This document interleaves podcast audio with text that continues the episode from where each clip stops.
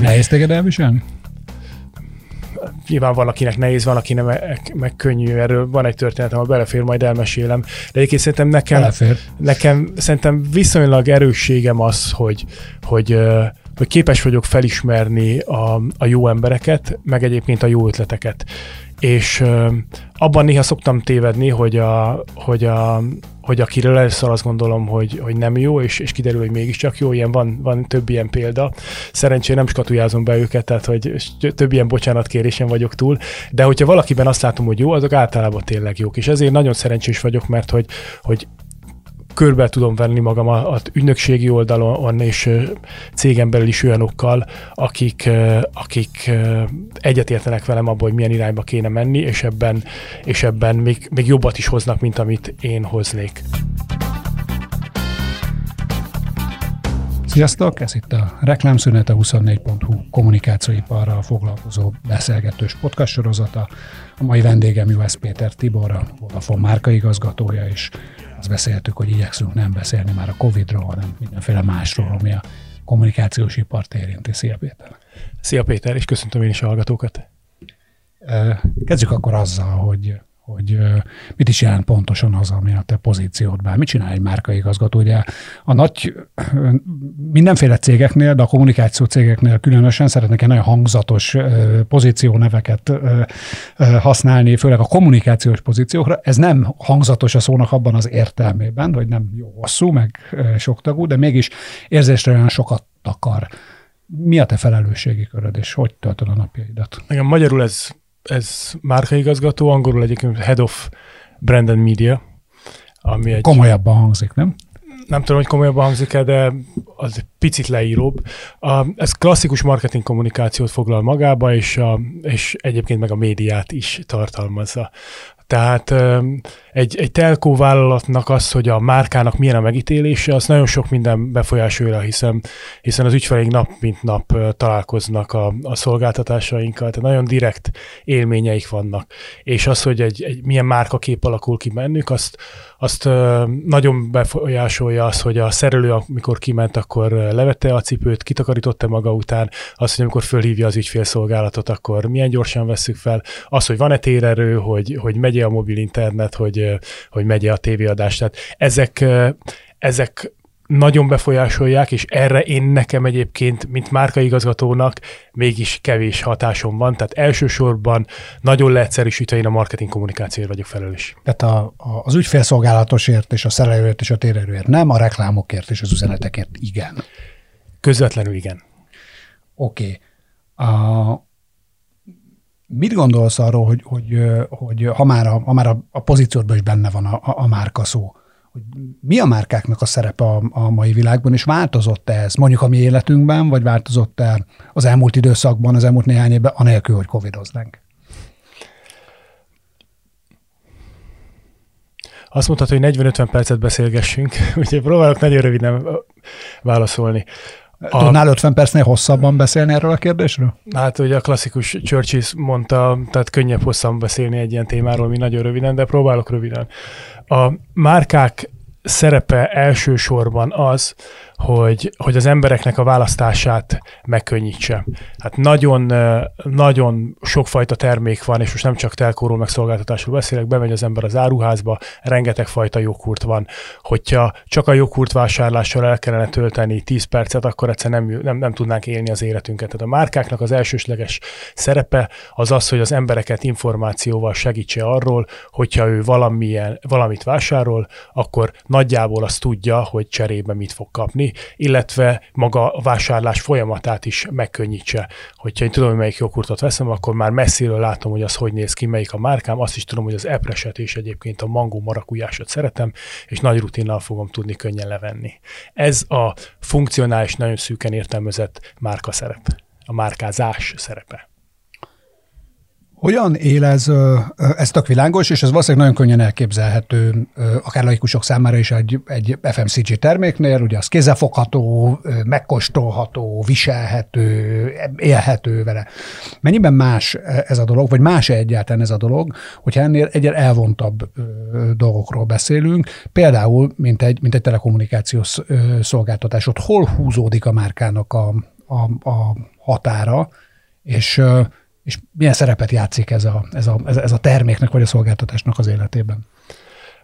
Igen, kate- nagyon függ persze attól, hogy milyen kategóriáról beszélünk, mert például nagyon nem mindegy az, hogy egy, hogy egy, egy joghurtot azt két-három hetente vásárolok, vagy pedig akkor a telkót, az pedig két-három-négy-öt évente akár, és uh, akkor is csak három-négy napot szánok arra, hogy, hogy akkor na, körbenézek a piacon, és gyorsan vásároljak. Tehát míg a, a telkónál nagyon fontos az, éppen emiatt a, emiatt a purchase cycle miatt, hogy uh, hogy a márka képet azt folyamatosan építsük az emberek fejében, nem feltétlenül konkrét ajánlatokkal, hanem tudják, hogy amikor majd abba a hangulatba, vagy abba az élethelyzetbe kerülnek, hogy, hogy elgondolkodnak azon, hogy egy szolgáltatót választanak, vagy szolgáltatót váltanak, akkor a, a mi márkánk az ott legyen a fejükben, hogy na ezt érdemes, érdemes megpróbálni, és ezt azzal lehet elérni, hogy azt a három-négy kis apró de kategóriában nagyon fontos gondolatot, azt szépen az évek során konzisztensen elültessük az ügyfeleknek a fejében. Tehát tudják például a Vodafone-ról azt, hogy a Vodafone az egy, egy, egy ügyfélbarát, egyébként innovatív, jó szolgáltatásokat ad, kínál jó áron. Körülbelül ilyen bonyolultságú dolgokról beszélek, és egyébként, hogyha feltételezem, hogy a márkázás után szükségszerűen szóba kerül a purpose is, akkor az is meglegyen az, az emberek fejében, hogy egyébként a, ez a vállalat, ez a márka egy olyan, aki, aki felelősség teljesen mozog a mai magyar és nemzetközi valóságban.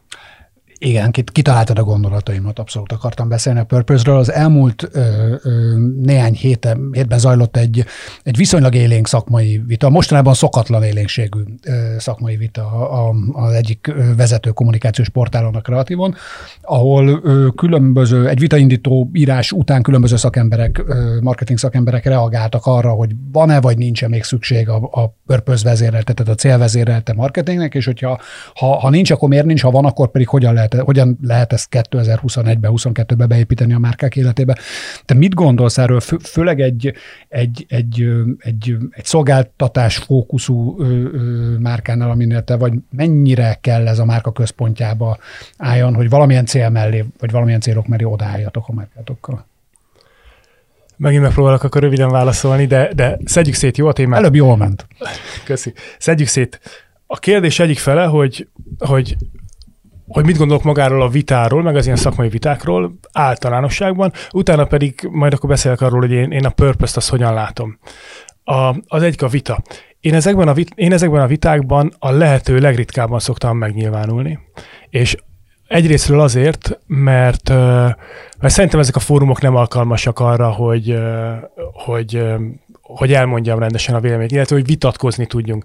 Tehát egy, egy LinkedIn-en, egy, egy vagy egy, vagy egy kreatívon ír valaki valamit, de nincsen meg a párbeszéd, a fene tudja, hogy ki az alatt pontosan mit ért, tehát nem tudunk reagálni, nagyon tömören kell fogalmazni. Szóval szerintem ezek a felületeket nem alkalmasak arra, hogy... Akkor mi lenne az alkalom, mondjuk egy konferencia beszélgetés?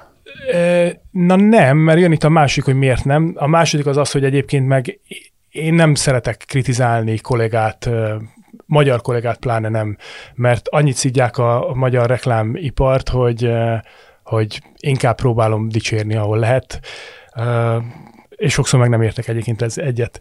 A harmadik, amiatt nem szállok bele ebbe a vitába, az meg egy nagyon önző érdek, az az, hogy hogy hát most nagyképűen fog hangzani. Én azt gondolom, hogy sok mindent akár jobban is tudok, mint akár a Bárki, aki ott megszólal. Nyilván nem, de hogy, hogy vannak olyan dolgok, amiket én bevinnék a vitába, akkor fogalmazunk így, és tegyük fel, hogy van értékes gondolat, amit bevinnék a vitába, azt nem viszem be. Elolvasom ezeket a vitákat, feldolgozom, hogy ők, milyen véleményen vannak, de pusztán verseny okokból én nem mondom el a, nem akar a véleményet. Pontosan. Egyébként egy, egy példát hagy mondjak, hogy van egy darab mutató, egyetlen egy nagyon egyszerű mutató, ami a marketing kommunikációnak az egyik outputja. Tehát amit mi nagyon direktben tudunk drive-olni. És ez a mutató, ez nagyon erősen korrelál az üzleti eredménnyel. Hogy mi ez a mutató, ezt nyilván nem mondom el, én nem borzasztó nehéz kitalálni.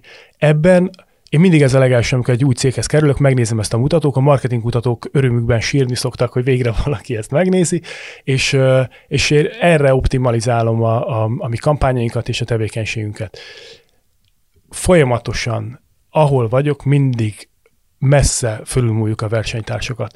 Ha én beszállnék ebbe a beszélgetésbe, akkor vagy vitába, és elmondom, hogy szerintem rossz helyen kapizsgáltok, nem szerintem, hanem a ökonometriai modellek szerint rossz helyen kapizsgáltok, azzal saját magam helyzetét tenném nehezebbé. Szóval ez a, ez a másik, hogy, hogy azért itt, itt versengünk egymással, és majd lehet, hogy nyugdíjas koromban írok erről egy könyvet, de egyébként nem kell, mert ezeket a könyveket És el fogod már... mondani, hogy a megszerzett új ügyfelekre kellett egyébként... volna mondjuk koncentrálni, ahelyett, hogy. A, igen, tehát erről nem kell könyvet írnom egyébként, ezeket a könyveket megírták, csak annyi, annyi, annyi sületlenséget írnak könyvekben is, Uh, és akkor ez talán a, a másik ok, amiért nem szállok bele ezekbe a vitákba, hogy szerintem a, a marketing kommunikáció és a márkaépítés az, az nem egy annyira bonyolult dolog, mint, mint amennyire esetleg valaki gondolja.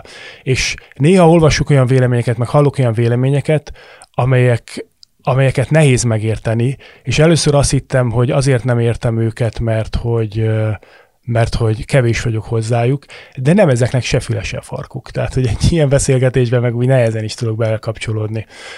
Oké, okay, akkor hagyjuk a lezajlott vitát. Igazából de szívesen elmondom általános szinten. Ám, de mit gondolsz? Igen, igen, igen. És ezt egyébként publikusan is szoktam mondani, azért, mert ezt éljük, tehát, hogy ez, ez mondjuk a mi tevékenységünkben, kommunikációnkban is látszik. Szóval szerintem a, a Purpose egyrészt az egy, az egy nagyon nem új dolog, tehát ez, ez nagyon régóta, most éppen Purpose-nek hívják, meg a, meg a, a Start with the Why könyv óta bekerült a CEO-knak is a, a, a szóhasználatába. De egyébként meg arról beszélünk, arról a három szintről. A legalsó szint az az, hogy hogyan működik egy vállalat. Tehát purposeful vállalati működés.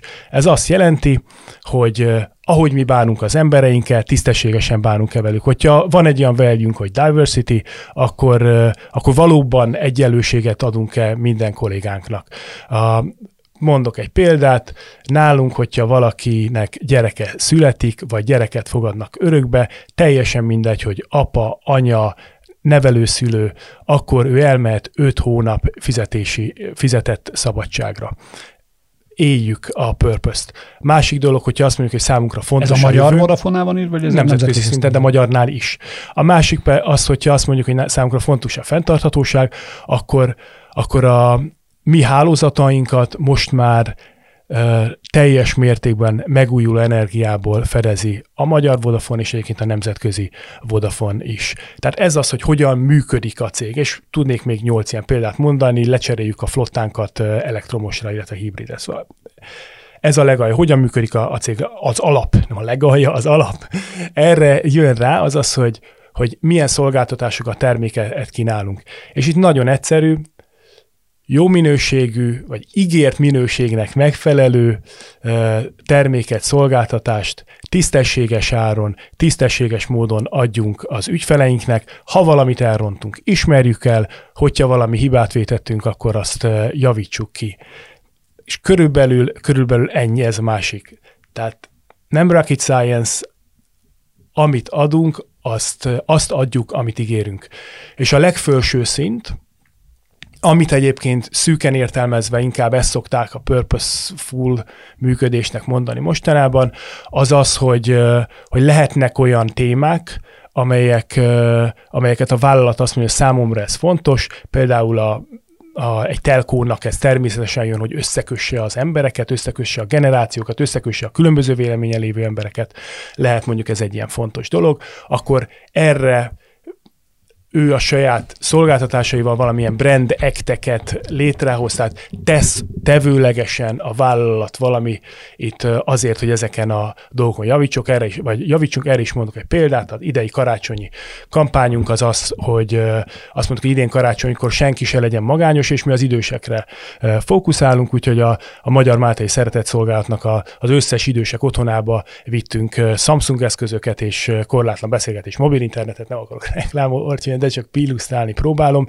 és ténylegesen több ezer embert összekötünk az ünnepek alatt, és utána is a családtagjaikkal. Szerintem nagyon fontos az, erről megosztanak vélemény, szerintem nagyon fontos az, hogy maradjunk a kaptafánál, tehát olyan témában nyilvánuljunk meg, amikben relevánsan megszólalhatunk. Nézzünk egy picit, picit ö, ö, más témát. Ugye említetted már az előbb is egy ilyen félmondattal, hogy amikor új munkahelyre mész, akkor mindig ö, milyen mutatókat nézel meg, és te talán az egyik, amikor azt arról beszélünk néha, hogy vannak emberek, akik viszonylag tudatosan mozognak szektorok között, és új, újabb és újabb helyeken próbálják ki magukat, akkor általában nekem te szoktál elsőként eszembe jutni, hogy nem évről évre, de úgy jól láthatóan időről időre más helyeken jelensz meg, és zajlik egyfajta tudatosnak tűnő karrierépítés.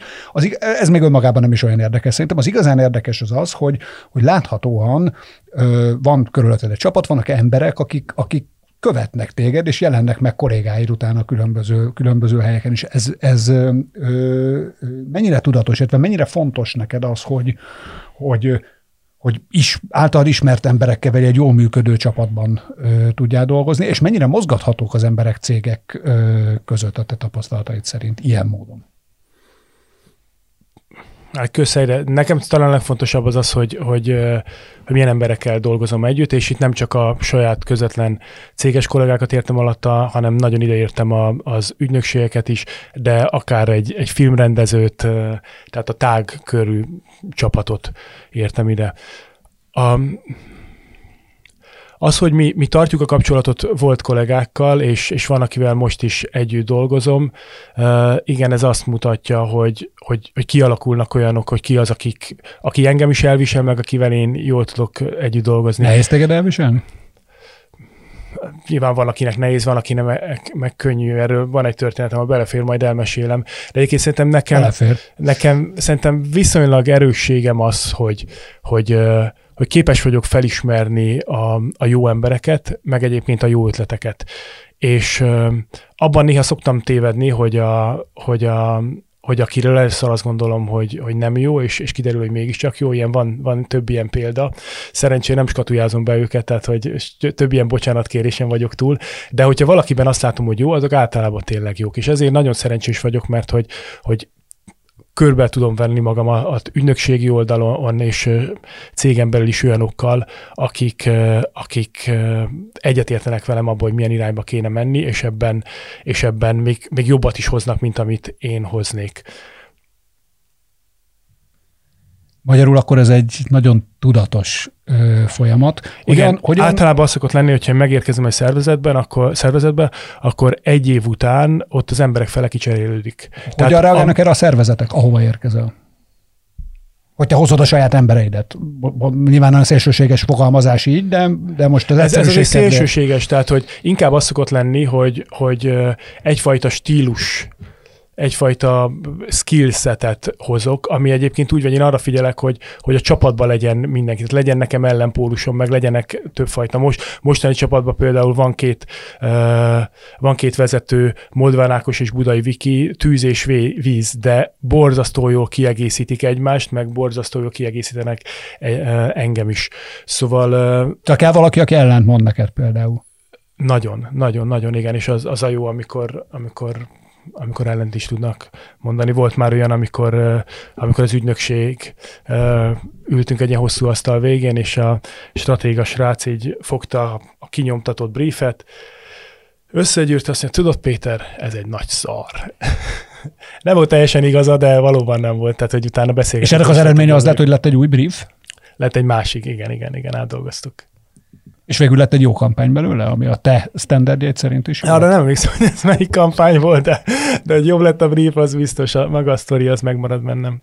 ha, ha, ha már az ügynökségekről beszélünk, akkor uh, azt is lehet tudni rólad, hogy, hogy nem is szoktál ebből titkot csinálni, hogy hogy megrendelő oldalon ülve is fontosak a, a, a kreatív versenyek, és fontosak azok, hogy nyilván gondolom fontos is, hogy hatékony kampányokat csináljatok, de emellett az is fontos, hogy, hogy, hogy díjazott, tehát kreatív versenyeken díjazott kampányokat csináljatok. Ez változott az utóbbi időben? Ez még mindig fontos? Ez az egyik kérdésem. A másik, másik pedig az, hogy, az, hogy egyáltalán miért fontos ez, a, ez, a, ez az ügynökség oldal, miért nem, miért nem a hatékonyság az elsődleges szempont? Vagy ez, a, bocsánat, a, a te oldaladon, tehát nem az ügynökségi oldalon, ügyfél oldalon.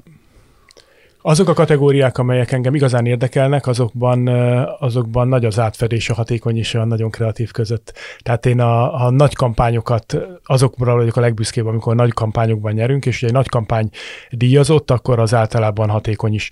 És szerintem fontosak egyébként a kreatív versenyek. Azért fontosak, mert mert mert szerintem jó fokmérői. Tehát azok az ítéletek, amiket a magyar zsűri, vagy hogyha adott díjak esetén nemzetközi zsűri meghoz, azok szerintem jól lefedik azt, amit így a szakma gondol, és ami a színvonalat jegyzi. Tehát ezek egy egészen, egészen jó vagy egészen objektív mércéje annak, hogy milyen munkát végeznek a, a magyar kreatívok, meg marketingesek. Ez egyik, amiatt jó. Tehát egyszerűen ad egy, ad egy, egy objektív visszajelzést a kutatási eredményeken túl.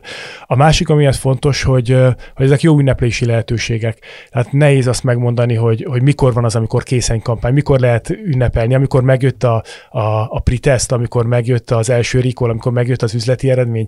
Ezek, ezek mindig így, így csöpögnek, csöpögnek, viszont amikor van mondjuk egy, egy éves lezáró reklámverseny, akkor ott a buli, át lehet venni közösen a díjat fénykép, akkor az egy olyan, olyan pillanat, amit, amit közösen lehet megélni, közösen lehet ünnepelni, és azért te is tudod, hogy milyen hajtás van kampányok közben, ügynökség, ügyfél között, telkóban különösen, kellenek ezek a pillanatok, amikor megállunk. A, ami, ami jó szerintem a, a, a zsűrizésnek a színvonala kimondottan. Aminek nem örülök, hogy szerintem túl sok verseny van Magyarországon, a, a két listát pedig kimondottan nem értem, tehát ez a Judea Nemzeti Front és Judea Népe Front témának tartom, ezt mindenkinek Nem lehet, ez is, egyszerűen, ez is egyszerűen piaccá változott, és majd, majd, majd kiderül, hogy melyik éli túl az éveket. Igen, ne, igazából nekem az lenne a szerencsés, hogyha kicsit kevesebb verseny lenne, szerintem növelné az értékét és presztízs, és hogyha egy lista lenne. Olyan egyébként van, vagy volt már, hogy, hogy te ö, kifejezetten ö, verseny teljesítmény alapján választottál ügynökséget? Tehát valakivel nem dolgoztál együtt, láttad, hogy ők sikeresen szerepelnek valahol, és akkor elhívtátok őket tenderekre, és kipróbáltátok őket? Tehát ilyen módon van az ügynökségnek esélye arra, hogy még a te figyelmedet fölhívják magukra? Én nem szeretek tendereztetni, tehát én nekem az egyik legfontosabb saját KPI-m, amit soha nem adnak, de mindig magamnak rakom az, hogy a, az ügynökségünknek milyen a megítélése. Tehát az, hogy Mark Pritchard a Procternek a CMO-ja szokta mondani, hogy mindenkinek olyan ügynöksége van, amit megérdemel. Ebben szerintem nagy igazság van. Tehát a, szerintem sokkal kifizetődőbb az, hogyha, hogyha építjük ezt a kapcsolatot közösen az ügynökséggel, mint hogy, mint hogy egy tendert írunk ki. Volt olyan rá elsősorban kapacitás miatt, amikor tendert kellett kiírni, akkor is egyetlen egy új ügynökség jött be, és egyébként akkor abban biztos számít, hogy a consideration szedve, ugye, a, hogy ki, melyik ügynökség jut eszébe az embernek, hogy vajon ki lehet az az ügynökség, akkor szerintem számít az, hogy, hogy kinek milyen munkáját láttuk, versenyeken ki hogyan szerepelt. Uh, azt meg tudod fogalmazni, hogy, hogy, hogyha végignézel most a, a pályafutásodnak nyilvánvalóan a közepetáján vagy, vagy lehet, hogy még, még, a, még a közepénél több, több van előtte, de azért sok cégnél dolgoztál, sok ügynökséggel dolgoztál együtt, sok kampányt csináltál, hogy melyik az, a, melyik az a munkád, amire a legbüszkébb vagy? Melyik sikerült szerinted a legjobban? Hmm. Nagyon büszke vagyok a, a mostani mondok hármat, jó három cégtől. A mostani karácsonyi kampányra a vodafone nagyon büszke vagyok, mert szerintem ez egy nagyon valós insightra épül, valós, hiteles módon mondjuk el, és ténylegesen tudunk segíteni. Ráadásul kreatív exekúcióban is úgy tűnik, hogy, hogy egy Nyitrai Marci rendezővel, a Boldal és a VML-el egy jó megoldást találtunk rá ez, ez a közelmúltból. A Borsodinál ott a, ott a Borsodi uh, újrabevezetésén dolgoztam, a Borsodi Szituknak a, a nyitó kampányára. Azért vagyok nagyon büszke, mert ott, ott nagyon pragmatikusan kellett hozzáállni, ott egy lövésünk volt, és én, én ilyet őszintén még Mint nem általában láttam. újra bevezetés kampányok már, nem? Tehát, Igen, ott viszonylag igen. nehéz Igen, többször próbálkozni. Igen. És, és hát tényleg én ilyet még nem láttam, hogy, hogy, hogy egy tíz éve csökkenő márka, onnantól kezdve, hogy kijöttünk a kampányjal, amit a Mitóval csináltunk, mm, egy hónapon belül elkezdett nőni a márka, és utána kategóriájában piacvezető lett néhány hónap után. Nem volt új termékbevezetés, úgyhogy közben a Sopronia a zseniális uh, uh, Democratic uh, Craft line az óvatos duhajjal tarolta a piacot, tehát nem volt új termékbevezetésünk, azóta persze már volt sok, uh, nem volt különösebb promóció, üzletileg, semmi más nem volt, csak a, az újra pozícionálás. Nagyon jó volt stratégiailag fel előkészítve, egész jó lett a kreatív valósítás is, tehát egyszerűen az egy, az egy nem volt egy zseniális kampány, de nagyon hatékony és nagyon jól működött. És hát most ugye a faramúcia helyzet mellett a Telekomnál voltam, és hogy hogy dicsér Merjen bátran, merjen bátran mondani Igen, a telekomos de- kampányt. De amire, aminek a mai napig szerintem hatása van, az a, lehet, hogy emlékszel rá te is, a Bicinéni kampány, ami arról szólt, hogy egy 87 éves néni, Sinka Brigitta megdönti a, a valaha lejátszott szimultán sakk játszmák rekordját. A, erre azért vagyok nagyon büszke, mert hogy Didibivel dolgoztunk ezen együtt, és a, az, volt a, az volt a brief, hogy legyen valami torture test. Tehát, hogy amikor az, hogy ez a hálózat tuti működik. És hozta az ügynökség a, a javaslat, hogy legyen, legyen szimultán sakk. De hát szimultán sakk, eh, most...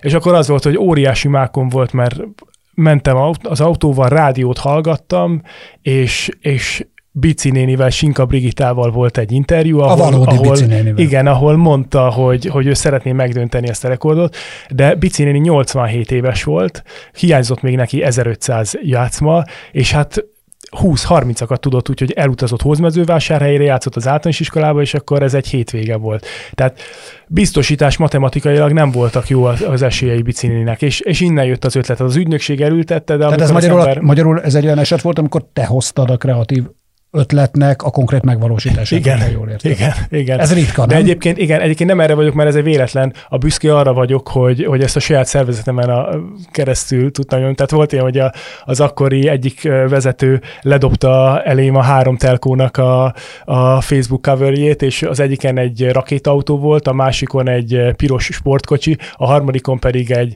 két 80 éves ember sakkozott egymáshoz, hogy fiam, milyen márkát építezte? Hát mondom, ilyet. És hát azóta, azóta azért látjuk, hogy, Emberközpontút. Pontosan. És azóta azért látjuk, hogy ez akkor a telkóban nagyon egy unikális hang nem volt, és azóta azért látjuk, hogy se a generációk összekötése most már nem egy, egy tabu téma, sem az, hogy, hogy valamit tesz a márka konkrétan.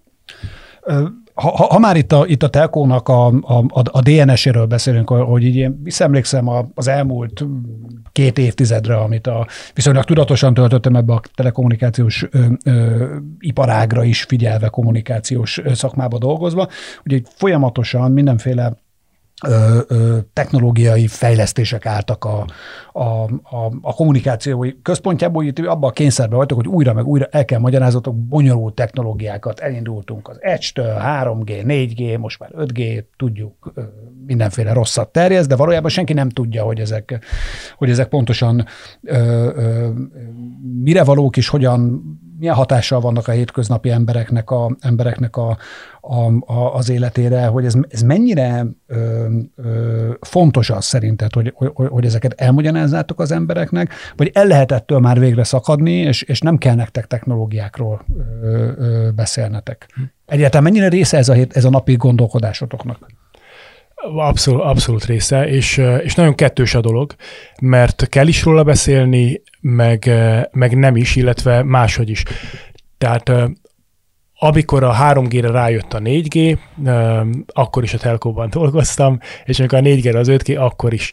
És pusztán az, hogyha az ember mondja azt, hogy jön egy új technológia, és az adott vállalat élen járó ebben a technológiában, annak láthatóan van egy innovációs attribútum ér, építő eh, hatása. De a másik oldal is nagyon igaz, hogy eh, ha valaki valamit nem ért, akkor azt nem tudja szeretni, és, eh, és nagyon hajlamos arra, hogy nem csak, hogy nem szereti, de elkezd tőle félni. Tehát meg kell mutatnunk azt, hogy, hogy egyébként ez a te életedet jobbá fogja tenni, hogyan változtatja. Ezt így kutatjátok egyébként, tehát tudjátok, hogy az emberek hogyan gondolkoznak a technológiáról, a ti technológiátokról, vagy ez nem, tehát persze, ezt, ezt persze, követitek? Persze, persze, persze. És, és még a 3G-ről, a, vagy a 2G-ről a 3G-re átállás nagyon egyszerű volt, mert figyelj, innentől kezdve fogsz tudni internetezni, hát ilyen, ilyen vészhelyzet internet lesz, de meg tudod nézni a menetrendet. Borzasztó egyszerű elmagyarázni. 3G-ről 4G-re, eddig vészhelyzet internet, most már ugyanúgy fogod tudni a telefonodon használni az internetet, mintha otthon lenni. Borzasztó egyszerű üzenet. A 4G-ről az 5G-re az a sajátos helyzet állt elő, hogy gyakorlatilag a, a hálózat technológia az megelőzte a, azt, a, amire ezt majd használni is fogják, lakossági felhasználásban. Ugye üzleti felhasználásban már használják az 5G-t, és a Vodafone sorra jelenti be a, azokat a ipari használási 5G megvalósítást, amiket, amiket kiépítünk, de a lakossági felhasználás akkor lesz majd igazán, és akkor fogják megérteni az emberek, hogyha a teljes IoT ökoszisztéma köré épül és az látszik már, hogy, hogy, hogy az ember, tehát ez nem okoz zavart a fejekbe, hogy hallanak az 5 ráadásul tényleg néha egészen az összeesküvés elméletek szintjéig történő dolgokat, dolgokat hallanak, de közben nem tudjátok nekik pontosan elmondani, hogy ez mi, és nem tudjátok lehozni a hétköznapi élet szintjére? Tehát ez nem okoz egy, egy, egy ilyen diszkrepenciát a, a ti De ez egy, ez, egy, ez egy globális kérdés szerintem az összes telkónál, hogy az 5G-t hogyan kommunikálja, éppen ezért, mert hogy itt a technológia, de nagyon nehéz Elmondani, lakossági use találni, igen, pontosan. Világos. Említetted egy fél szóval egy 11-2 perccel ezelőtt, hogy, hogy a globális Vodafonnál nem kérdés az, hogy bevezettétek mindenkire vonatkozik, hogy el tud menni szülési szabadságra, szabatikát kap. Ha jól emlékszem, akkor te egy korábbi cégettől mentél már el ilyen, de lehet, hogy rosszul emlékszem, de úgy emlékszem, nem, tehát, hogy te, magad, te, te magad is voltál ilyenen. Én minden egyes munkaváltásomkor legalább négy-öt hónapot kihagytam, volt, amikor egy évet, fél évet, igen több kérdésem is van ezzel kapcsolatban. Egyrészt ezt simán átnyomtad mindig a, a, a munkaadóidon, másrészt, és ez a komolyabb kérdés, hogy, hogy, hogy ezt ez szerinted telkó specifikus, vagy, vagy, vagy, vagy egyéb területeken is azt gondolod, hogy így, hogy így, tehát hogyha te máshol dolgoznál, most hirtelen megenni egy olyan iparágban, ahol még nem voltál, akkor ott is megpróbálnád azt elérni, hogy, a, hogy ez az embereidnek, vagy akár neked, hogyha érintett, vagy járjon. Tehát azt akar, igazából a kérdés az akar lenni, hogy mennyire érzed fontosnak azt, hogy ilyen típusú öm, szolgáltatásokat, kedvezményeket, engedményeket adjon egy munkavállaló a saját, egy munkaadó a saját munkavállalóinak. Hát azon én már túl vagyok, hogy magánéleti tanácsokat, adjak embereknek. Azt tudom, hogy nekem a a házasságomnak, a gyerekeimmel való kapcsolat, annak nagyon-nagyon szüksége volt erre. Az első alkalom az az volt, én gyesen voltam egy évig, amikor a legnagyobb gyerekünk két éves volt, és, és a feleségemről nagyon sokat megtudtam arról, hogy milyen otthon lenni szülőként. A lányommal nagyon-nagyon mély, máig hatását érző kapcsolat, vagy kapcsolat alakult ki. Szóval egy nagyon boldog, nagyon fontos időszak volt. Ez volt az első, hogy gyesen voltunk. Utána a második alkalom... A munkaadó hogy reagált erre első körben, hogy te, mert ez azért egy szokatlan kérés volt, főleg jó pár évvel ezelőtt. Hát a magyar szabályok szerint erre egy módon tud egy módon tud reagálni, hogy érez jól magad, Péter, várunk vissza egy év múlva nem is a hivatalos, hanem arra a reakcióra vagyok kíváncsi, hogy ez meglepetést okozott-e. Mhm. Én voltam a Procter közép-európai régiójából az első férfi, aki elment gyesre, tehát... Tehát igen. Igen, viszont nagyon örültek neki. És egyébként utána nem mentem vissza már dolgozni, mert az egy év alatt kiment a cég alólam, tehát a Genve központosítottak mindent. A, a második alkalom az, az nagyon tudatos volt, amikor, amikor a Telekomból eljöttem, ott, ott nekem a házasságomnak ismét a gyerek, gyerek szükség volt, szükség volt egy négy-öt hónapos kiadásra, azt nagyon határozottan eldöntöttem, hogy bármi is jön, nem, nem négy hónapig legalább otthon maradunk. Azt szoktam mesélni, hogy, hogy eljöttem októberben, és augusztusban született meg a gyerekünk, tehát rá kilenc hónapra, tehát nekem arra szükségem volt meg a családomnak is. Utána pedig, amikor a, a Borsodiból, azt az ilyen Szerencsére az úgy, hogy a Vodafone is tudott várni, hiszen Barát Péter vitte a, a márkát nagyon jól, tehát hogy én nekem sem kellett azonnal jönni, tehát az is igazából könnyen ment. Mennyire felelőssége a, a hirdető cégeknek az, hogy a, hogy a helyi médiumokban jelen legyenek, támogassák azokat, és be kell szállni, nektek kell döntést hozni abba például, hogy, hogy, hogy, hogy, hogy ezeket a médiumokat versus mondjuk a, a, a nagy globális tartalomelosztó platformokat, Facebookot, Google-t támogassátok el. Van a ti szempontotokból ilyen vita? Igen, a, ahogy az elején mondtam, én Head of Brand and Media vagyok, tehát a, a média vezető is vagyok egy, egyfelől, tehát én, én nekem kötelességem, hogy beleássom magam a magyar média helyzetébe, és folyamatosan a, a Dencúval, Karáttal együtt találjunk olyan megoldásokat, amelyek hatékonyabb médiát tesznek lehetővé. Két dolog. Az egyik az az, hogy ugye mondhatnám azt, hogy a kérdés második felére, hogy engem egyetlen egy dolgom mérnek a legesleges legvégén, az az, hogy profitot termelünk, vagy nem. Ebbe erkölcsi dolgok nem jöhetnek köz, vagy nem. Viszont a valóság ezzel szemben az, hogy, hogy ez nem ilyen fekete-fehér, tehát lehet ugyanazt a profitot elérni úgy, hogy egyébként az ember tisztességes, és, és mondjuk fontosnak tartja azt, hogy, hogy legyen magyar tartalomfejlesztés tíz év múlva is, meg lehet úgy is, hogy nem. Tehát ugyanazt a profitot el lehet érni. A, szerintem Magyarországon gyakorlatilag minden marketinges úgy, úgy vélekedik erről, hogy, hogy igen, szállítsuk le a profitot, de mellette legyünk tisztességesek, és őrizzük meg a magyar tartalmat.